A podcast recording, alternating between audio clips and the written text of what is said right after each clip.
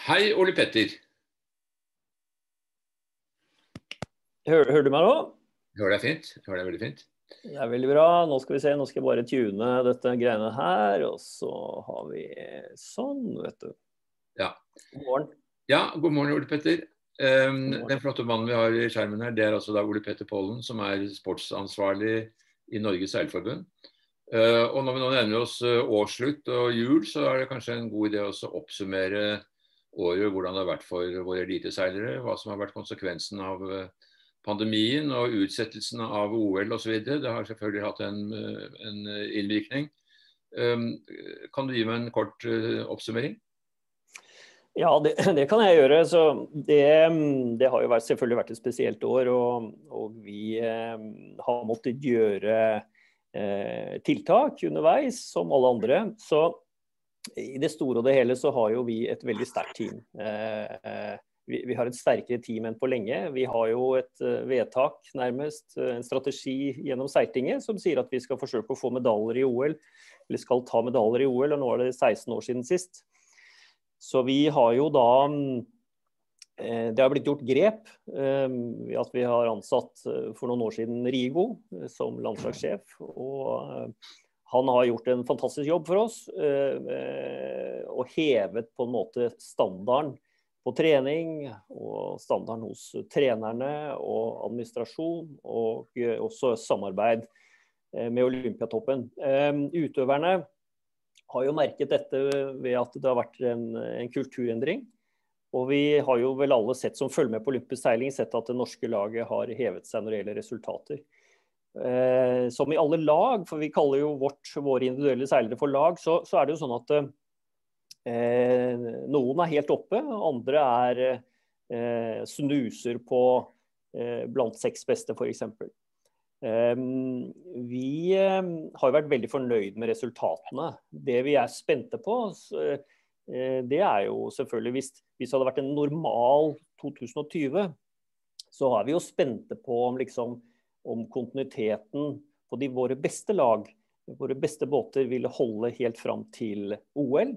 Og det vet man jo aldri. Det er kun få team i verden som du vet på en måte vil være på pallen i et OL, fordi at de er eh, gode hele tiden.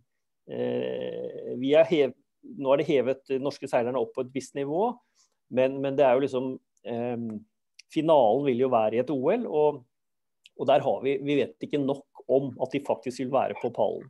Men arbeidet som er gjort, har vært eh, helt fantastisk. Eh, inntil våren 2020, vil jeg si.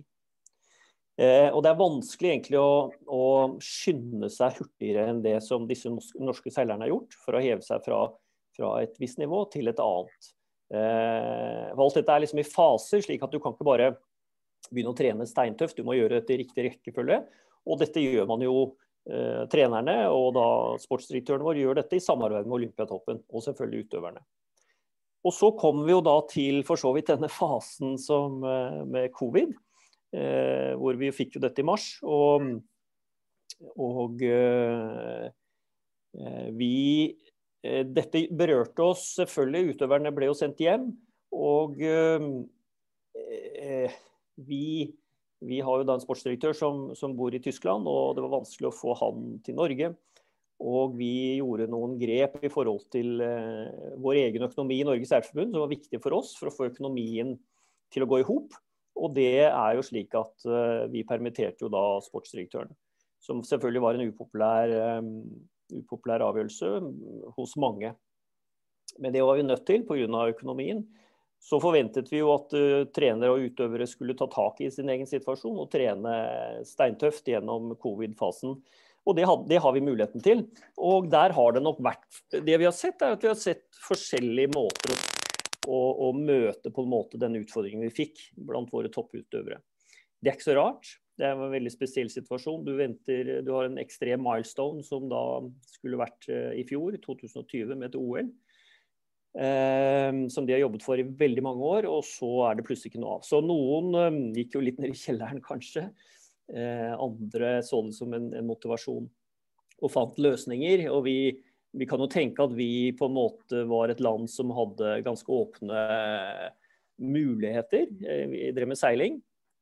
Vi kunne trene mye her hjemme. I forhold til andre land som var mer nedstengt. Det som viser seg, det er jo det at alle land har trent steintøft gjennom denne fasen. Så, så det er ikke så stor endring i forhold til liksom, eh, hvem som er gode og hvem som er litt lenger ned på, på, på resultatlistene. Så, så, og det, det, vi er veldig glad for, er at vi ser mye av det samme vi ser mye av det samme når disse få regattaene man har seilt på etter, altså etter sommeren i, i, år. Så ser vi de samme utøverne er oppe eh, og gjør det bra. Og øh, vi tror jo øh, at vi vil ha en kontinuitet som, som, og en stabilitet som gjør at vi fortsatt er veldig tett på å nå det målet om én medalje i, i, OL i da nå 2021, altså neste år. Mm. Hvis du ser på, Det er vel kanskje da fire lag som har skilt seg ut, som, som, er i den kategorien som du snakker om. Det er 49er FX, hvor det er et jentelag. Og så er det, så det Finnjolle, og så er det to laserklasser. Radial for damer og standard for herrer. Kan du si litt om de forskjellige utøverne i de kategoriene? Altså, jeg, jeg, kan ikke si altfor mye om utøverne, for jeg er ikke så tett på dem som jeg, som jeg Det er ikke min rolle. Jeg, jeg snakker toppidrettens sak i, i, i styret. Det, vi er alle involvert i, i dette i Norges Elfenbens styre, og ikke minst administrasjonen. Og Olympiatoppen. Det som, det som på en måte er, kanskje er en større endring i forhold til fra tidligere, eh, det er at Olympiatoppen er mye mer involvert i samarbeid med vår sportsdirektør.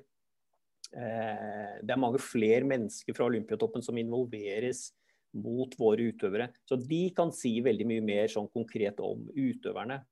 Det, det vi ser i, i dette, det, eh, det, er at alle disse lagene har hevet seg.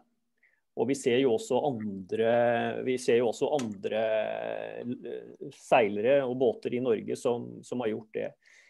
Eh, men, men, jeg greier ikke å si noe om de forskjellige utøverne, egentlig. Det jeg håper, det er at de ser eh, at vi har Statistisk sett så har vi én medalje i det OL-et som vi kan muligens ta. Og jeg håper jo alle har lyst til å ta den medaljen. Eh, og dette har jeg sagt tidligere til utøverne, og det, det krever en ekstrem mental um, fokus, mental endring, når du nå nærmer deg et eventuelt OL i 2021. Så det er ikke noe tvil om at disse teknisk sett er oppe, men nå tror jeg det vil være det, det mentale som på en måte avgjør eh, for utøverne. Eh, og det er en, en, en, helt annerledes jobb enn det fysiske og det tekniske. Ja. Det, det, er vel da slik at vi hadde ganske store forventninger etter 2019, hvor vi hadde gode plasseringer, topplasseringer i, i mesterskap for alle de fire seilerne, egentlig. Altså Helene Næss og Marie Rønningen. Rønningen, ja, selvfølgelig. I, i 49er. Eh, Anders Pedersen i Finneholdet og Line Flemhøst og, og uh, Herman Thomasgaard i de forskjellige laserklassene. Så, så, forventningene har vært ganske store. Så spørsmålet er vel da hvordan og det kan ikke du svare på nå, men hvordan de har klart denne perioden som har vært litt annerledes. Og vi har sett i noen internasjonale regattaer så har det kanskje ikke gått like bra som man hadde forventet eh, etter 2019. Men, eh, men, alle har nok trent eh, hardt, både i Norge og i utlandet, så det er sikkert ikke så veldig stor forskyvning. Men det er jo gjerne slik at i sesongen før OL så er det alltid noen nye som kommer og som trener ekstra hardt, og så, så kan bli på overraskelser. Så det får bli som det blir. Men det som er i hvert fall veldig positivt å se for oss som står på utsiden, er at det har vært arbeidet veldig bra. Det har, som du sier, vært en ny eh, kultur eh, i norsk seilsport. Helt klart en heving av treningsnivå og, eh, og, fokus på dette å få det frem i, i store regattaer. Og, og, det har man langt på vei lykkes med for en nasjon som har så lite ressurser som, som Norge tross alt uh, har. Og så får vi jo da bare håpe at det skal gå bra. Eh, jeg vet ikke om du eh, så intervjuet med Knut Solstad for en uke siden. Han snakket da veldig varmt om en annen mulig olympisk klasse, nemlig double-handed mixed offshore, som har hatt mye oppmerksomhet i den senere tid. Og da jeg spurte Rigo for et års tid siden, så sa han at det er en klasse som vi overhodet ikke kommer til å tenke på. Det, det får eventuelt komme fra nedsiden, at det, er, at det er seilere som tvinger seg frem og viser at de vil holde et olympisk eh, nivå. Har det vært noen endring i det, tror du, i Norges Seilforbund i dag? Eh, eh, ja, altså vi, vi, vi, lever nok i den verden at vi tror på en måte stabilitet ikke er så bra. Så det er hele tiden endringer i, i Norges Seilforbunds uh, tanker. Det Ja, jeg har sett intervjuet med Knut. og Knut og jeg har jo seilt sammen i fire år og seilt OL sammen. Så vi har, vi har nok mye sammenfallende meninger om mye. Og, men vi har også våre diskusjoner om en del, som også er heftige. Det som skal sies eh, som vi har i Norge, eh, det er at vi har For det første så har vi jo andre lag også som, som eh, ønsker å komme til OL. Og vi har en Nakra som seiler full guffe, og som, som, på en måte ligger litt lenger nede på resultatlistene. Men det er, ikke, det er ikke slik at de ikke kan komme til OL i 2021. Vi har også kvalifisert et brett. og Der er det også utøvere som forsøker å komme til OL i 2021. Ehm, og vi har eh, også da en 49er for menn, som jo, hvor vi fikk jo da europamesterne for juniorer i fjor. Eh, og de også ønsker å forsøke å komme til OL i 2021. Og så skal det jo sies at disse, disse tre eh, båtene de, de, har en svær jobb å gjøre. Og den, For å komme til OL, vil jeg tro, selv om det er ikke, det er ikke Norges særforbund som tar ut til OL til syvende og sist, der innstiller vi. Og så er det Olympiatoppen eller Norges olympiske komité som tar ut. Men det vil si at um, det vi for så vidt mangler for disse båtene, det er jo enda flere regattaer som de kan bryne seg på og bevise at de har noe i OL å gjøre. Så teoretisk så kan det bli en svær tropp i neste OL for, for Norge. Det som vi er opptatt av uh, hos oss, og det, du sa det jo litt, vi har jo en, en litt anstrengt økonomi. Det har vi alltid hatt. Så det er ikke noe stor utfordring. Eh, det er ikke noe annerledes det i Norges Seilforbund enn hva det har vært de siste antageligvis 50 årene. Slik at eh, du kan si hva skal vi satse på?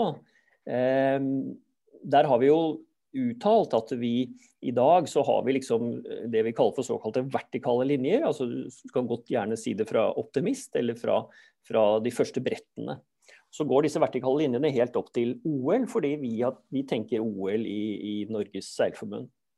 Som, og det er Seiltinget igjen som har bestemt det. Um, og Der har vi jo en stor, sterk laserklasse, Eh, uh, som gir oss to olympiske eventuelt event, som det heter. Herre og kvinne. Og Det samme har vi i 49er, med 49er og FX. da. Så Der har vi jo 29er, som er en stor klasse i, i, uh, i Norge. Eh, og så har vi også nå et eh, ekstremt spennende brettmiljø som kommer. Hvor eh, de mest sannsynlige er på juniornivå, de som trener aller mest. Og vi, vi, er i dialog med disse og ønsker å, de, ønsker å hjelpe de i større grad innenfor våre budsjetter. Slik at vi har tre store eh, vertikale linjer som vi nå kan følge. Det vil si at eh, Katamaran har vi jo ikke noe tradisjon for i Norge. Det er ikke dermed sagt ikke vi har lyst til å støtte og hjelpe Nakra 17, men vi, vi ønsker jo gjerne å se båter under den. Um, når det gjelder da til ditt spørsmål, som går på dette med, med havkappseiling, så er det jo slik at uh, det er klart double-handed har jo blitt ekstremt populært uh, det siste året pga. Spesielt én ting, det er covid-situasjonen. Og, og Eh, det er nok eh, Jeg tror nok at eh, pga. det så har det vært Så ser vi en økt popularitet og et økt fokus på dette. Og det er klart, Så lenge det nå er tenkt at det skal være en dobbelthendig klasse i 2024, så får dette enda mer oppmerksomhet også blant proffene. Og vi ser jo det samme da i Norge, at disse regattaene vi har hatt, de største regattaene har vært double-hand-regattaer for vanlige mennesker, altså ikke olympisk satsende mennesker. Um, og du kan si I forhold til veldig mange andre land, så, så har jo ikke vi eh, Vi har masse voksne, entusiastiske, fantastiske mennesker som seiler double-handed, men vi har liksom ikke noen, noen satsende noen. Det vi, det vi, i Norges Seilforbund krever, som da vår sportsdirektør eh, har helt rett i, det er at eh, vi, for at vi skal kunne støtte og hjelpe en klasse, så må vi se et initiativ fra kan du si, langt ned den vertikale linjen. Altså Vi må se klasseklubber, vi må se miljøer, vi må se interesser, vi må se resultater. Og Når vi ser resultater, internasjonale resultater, så kan vi etablere et system som vi linker da bl.a. inn mot Olympiatoppen. Eh, før vi ser det, så har ikke vi muligheten, og vi har uh, verken økonomisk eller faktisk rett til å linke dette inn mot det vi kaller for olympisk satsing. Så noe av det første Norges Seilforbund har gjort da, i denne trenden nå, vi, jo, vi, vi, ser, vi, ser, på dette store miljøet vi har i Norge, og så har vi eh, vel vært med på å motivere og, og hjelpe til å etablere en, en uh, klasseklubb og det, i, i shorthanded. Og Det ble jo da mm, nettopp etablert med et interimstyre, og det blir et nytt, nytt styre neste vår. Og Disse er jo da de som skal eventuelt også være med å forvalte en double-handed satsing. De må liksom komme ut gjennom en slik klasseklubb. Um, og da først, når vi ser liksom disse kriteriene for en etablert klasseklubb, et ordentlig system, resultater, kvalifiseringssystemer foreslått av klasseklubben, da kan vi uh, si at uh, kjempebra, nå tror vi at vi, eh, vi, eh, kan eh, få båter som satser internasjonalt i det store double head profesjonelle miljøet. Når det er sagt, så er det slik at i Norges Seilforbunds styre så eh, Og dette går litt på de da som har sett intervjuet med Knut. Det er at vi, vi stiller spørsmål nærmest på hvert eneste styremøte om olympisk seiling er det eneste rette for, for Norge. Eh, og det er jo slik at eh, Noen er jo hoderystende når man stiller slike spørsmål. Andre blir applauderende. Fordi vi ser jo det at eh, Og vi kaller det gjerne den franske veien når vi snakker om dette i Norge. hvor det kan godt være at Eller vi, vi vet at vi må finne alternative veier også, i tillegg til OL, for norske seilere. Frafallet er jo stort. Det er realidrett blant ungdom og juniorer. Vi må hjelpe til å finne alternative veier og åpne de veiene. Um, og det gjør vi. Um, det gjør vi, men, men det er, vi er en stor organisasjon, vi har mange medlemmer. Og, og uh, du kan si det er, lett, det er veldig lett å uh, si at alle sammen skal ønske seg en i, i boka, altså eller Van de Globe, men det er jo ikke sånn det fungerer. Vi må liksom begynne i det små, og så må vi få strukturen på plass. Og så kan vi ønske oss en eventuelt eh, skole i Norge som jobber bare med havkappseiling, som de, de, franske skolene gjør. Uh, og det burde vi hatt. Og det kan godt hende det kan være noe som kommer i vår neste strategi i Norges Seilforbund, at det vil være et mål for fremtiden.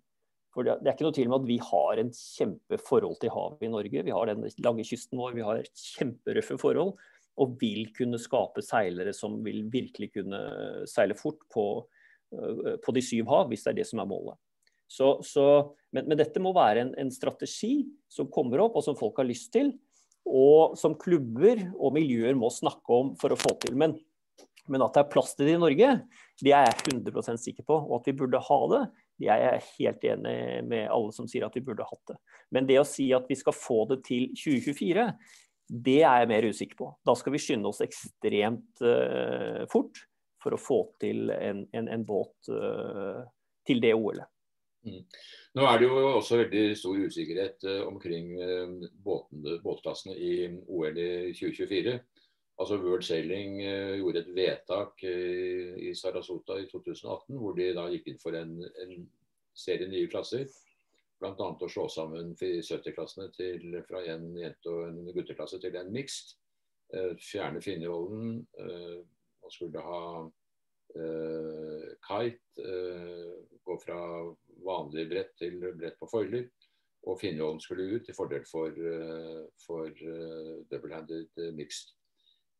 det håper man jo kanskje i World Sailing at det kommer til å gå gjennom, men i disse dager Så er det møter i IOC. De har hatt møte i sin programkommisjon bare tidligere denne uken. og eh, Allerede neste uke så skal IOC Executive Committee de har et uh, møte fra 7. til 11., og da vil de faktisk bestemme hvilke klasser som skal være i OL i 2024. Og det er mange som mener, uh, og med god grunn, tror jeg, at det er fornuftig å opprettholde de klassene som skal særlig i Tokyo, også i 2024. Og Grunnen til det er at det er kortere tid mellom OL, og at økonomien er satt tilbake i veldig mange nasjoner som en følge av denne covid-situasjonen. og at Særlig i de, i de, mindre nasjonene så vil det være mindre tid eh, og anledning til å omstille seg på nye klasser. Så det blir veldig spennende. Jeg tror uh, seilsporten i verden holder pusten uh, for tiden. Og vi i Seilmagasinet vi følger veldig godt med på det som skjer. og regner med at vi vil kunne meddele det til våre lesere så fort det foreligger en beslutning. Altså da i begynnelsen av neste uke allerede. Så Jeg vet ikke om du har noen tanker om det, om du ønsker å opprettholde Finnjollen, eh, om du ser at det er større muligheter for Norge hvis det er en double-handed eh, altså hvis, det er en, um, hvis det er en 74 for blandet mannskap istedenfor for damer og herrer, som vi jo i dag ikke har noen båter av i det hele tatt. Ja, altså jeg, jeg, har ikke ekstremt sterke meninger om det. Det har jeg aldri hatt når det gjelder båtklasser. og jeg, jeg syns diskusjoner om båtklasser både nasjonalt og internasjonalt er veldig vanskelig. Og jeg syns eh, det å måle klassene, eh, noe man for så vidt kanskje ikke gjør her, men jeg syns det er noe av det verste vi kan gjøre i, i, i seilsport. Fordi eh, det betyr at vi disser litt én klasse og et miljø som gjør fremragende arbeid mot og vekter mot et annet. Og vi har jo sett i Norge hvor, hvor, dette går veldig fort, og det er veldig mange seilere som for så vidt bare forsvinner ut i en stor verden. og det, det, er masse eksempler. og Vi så jo det når Europaølet kom, så hadde vi jo en flipperklasse som var eh, kjempestor. Det var jo 82 båter på startlinjen i Sandefjord, så vidt jeg kan huske. Eh, og i løpet av to år så var klassen helt død, fordi at noen eh, ville ha inn en Europaølet. Jeg syns begge de båtene var helt fantastiske. så det, det, når det gjelder akkurat Finnjollen, så er det sånn at uh, det er klart Finjolla er jo en, en, helt fantastisk båt for svære mannfolk. Og de finnes det en del av, spesielt her hvor vi bor. Og nå har jo jeg selv seilt en sånn båt som krevde et sånt svært mannfolk, og det var jo Flying Dutchman. Og den som sto i trapes, den var et sånn type menneske. Så det er klart For jolleseilere, som er eh, altså store menn som ønsker å seile jolle, så har vi jo da, hvis Finnjolla går ut, ingen jolleklasse. Og det er forskjell på en jolle og en kjølbåt. Slik at eh, Det er jo synd. Eh, om Finnjolla er den rette altså de, de, er jo ekstremt gode seilere, det er ikke noe tvil om det. så eh, Alt som har med taktisk og, og, strategi og teknikk og styrke og slike ting, det er jo like aktuelt der som, som på en foilende båt.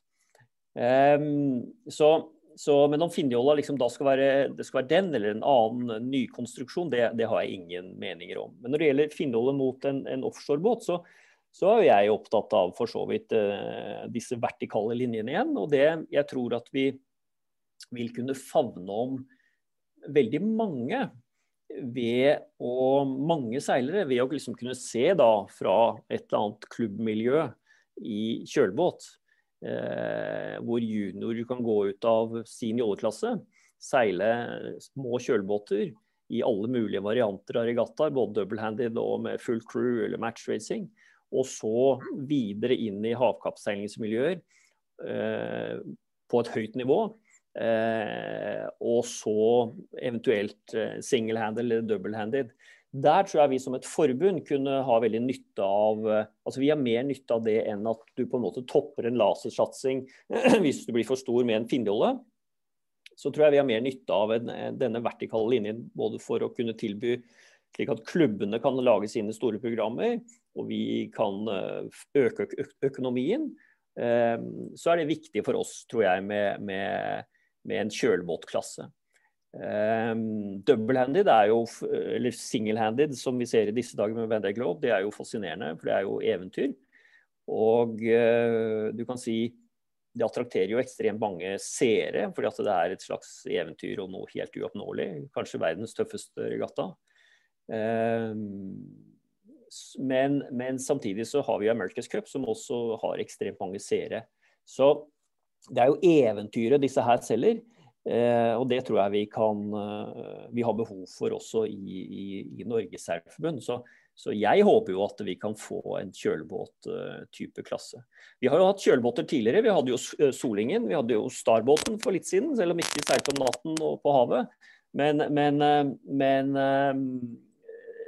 jeg er ikke redd for Jeg er veldig positiv til en, til en, til en kjølbåt på den måten. Det er jeg.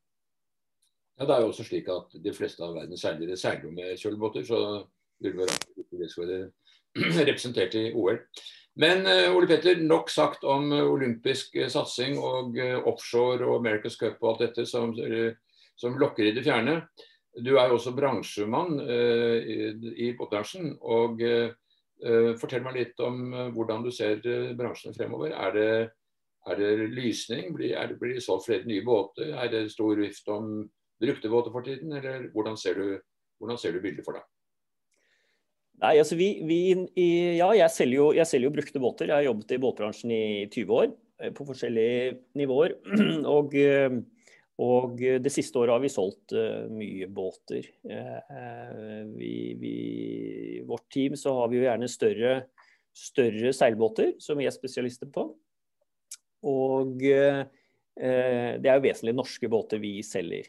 Både pga. vår si, interne moms i Norge når vi er utenfor EU, og pga. i 2020 at det har vært vanskelig å reise til utlandet for å se på andre båter. Så du kan si det er, nyansert, det er nyanser, en nyansert økning i salg i forhold til hva media kanskje skriver, eh, på større båter, fordi det er dyre produkter. Eh, og Det å bla opp liksom over en million, én million ti, ti millioner kroner, det er jo liksom, det er veldig mye penger for folk flest. da. Så, men vi har alle, tror jeg, som driver i denne båtbransjen, en økning. Eh, når det gjelder generelle, som jo da vi hører fra type Navico, som Knut leder, eh, deres eh, data, at det er mindre salg i seilbåtbransjen, jeg tror det kommer helt åpenbart av at eh, nå er det jo sånn at 90% vel av all produksjon av seilbåter i verden det går til charterflåter. Og det er klart at med de tidene vi har nå, så er det ikke så mange som kan reise ut og leie en båt eller kjøpe en båt, investere i en båt som, som er i et sånn yacht investment-program. Og da faller produksjonen. Og da lukkes jo verftene. Og da ser man de tallene man ser. Så produksjonen har jo vært eh, dårlig. Men, men, vi har omsatt mye båter i, i bruktmarkedet. Det har vi absolutt gjort. Nå ser vi lysninger. Vi, vi, vi ser jo, eh, parallelt med at man nå snakker om eh, kommende vaksiner, så, så, har vi økt interesse. Og vi, vi jobber jo mye for så vidt i, mot større systemer i, i Europa. Eh, som har båter som vi kan greie å selge i, til nordmenn. Og eh, De siste ukene har det vært en kjempeøkning i den interessen. Og vi er også i stand. og sender, Det er jo folk som reiser nå. Reiste i går, reiser om to dager. Kunder vi har som reiser til utlandet for å se på disse båtene. Og De tar da karantene når de kommer hjem, eller de blir uh, over jul i utlandet. Og, og, ja. så, så, vi merker jo nå en, en, økt interesse. Jeg tror ikke det er noe tvil om at hvis vi kommer tilbake til normalsituasjon, noe vi helt sikkert gjør, så vil jo folk ønske å reise. Det, det er helt åpenbart. Så, og da, da, vil eh, de store verftene komme i gang igjen, og vi vil få en, en økning i både produksjon og, og, og salg. Det vil vi. Mm. Ole Petter, takk for uh, en uh, spennende samtale om både det ene og det andre. Vi ønsker norsk seilsport alt godt i året som kommer. Det tror jeg blir et veldig spennende år. Jeg tror det blir OL i Tokyo. Og eh, så får vi se hva som skjer i internasjonal, internasjonale forbundet med valg av klasse videre og, og sånt. Og eh, eh, ja, så vi, vi, får se hva som skjer. Takk for praten. Takk det samme. Lykke til. Ha det bra.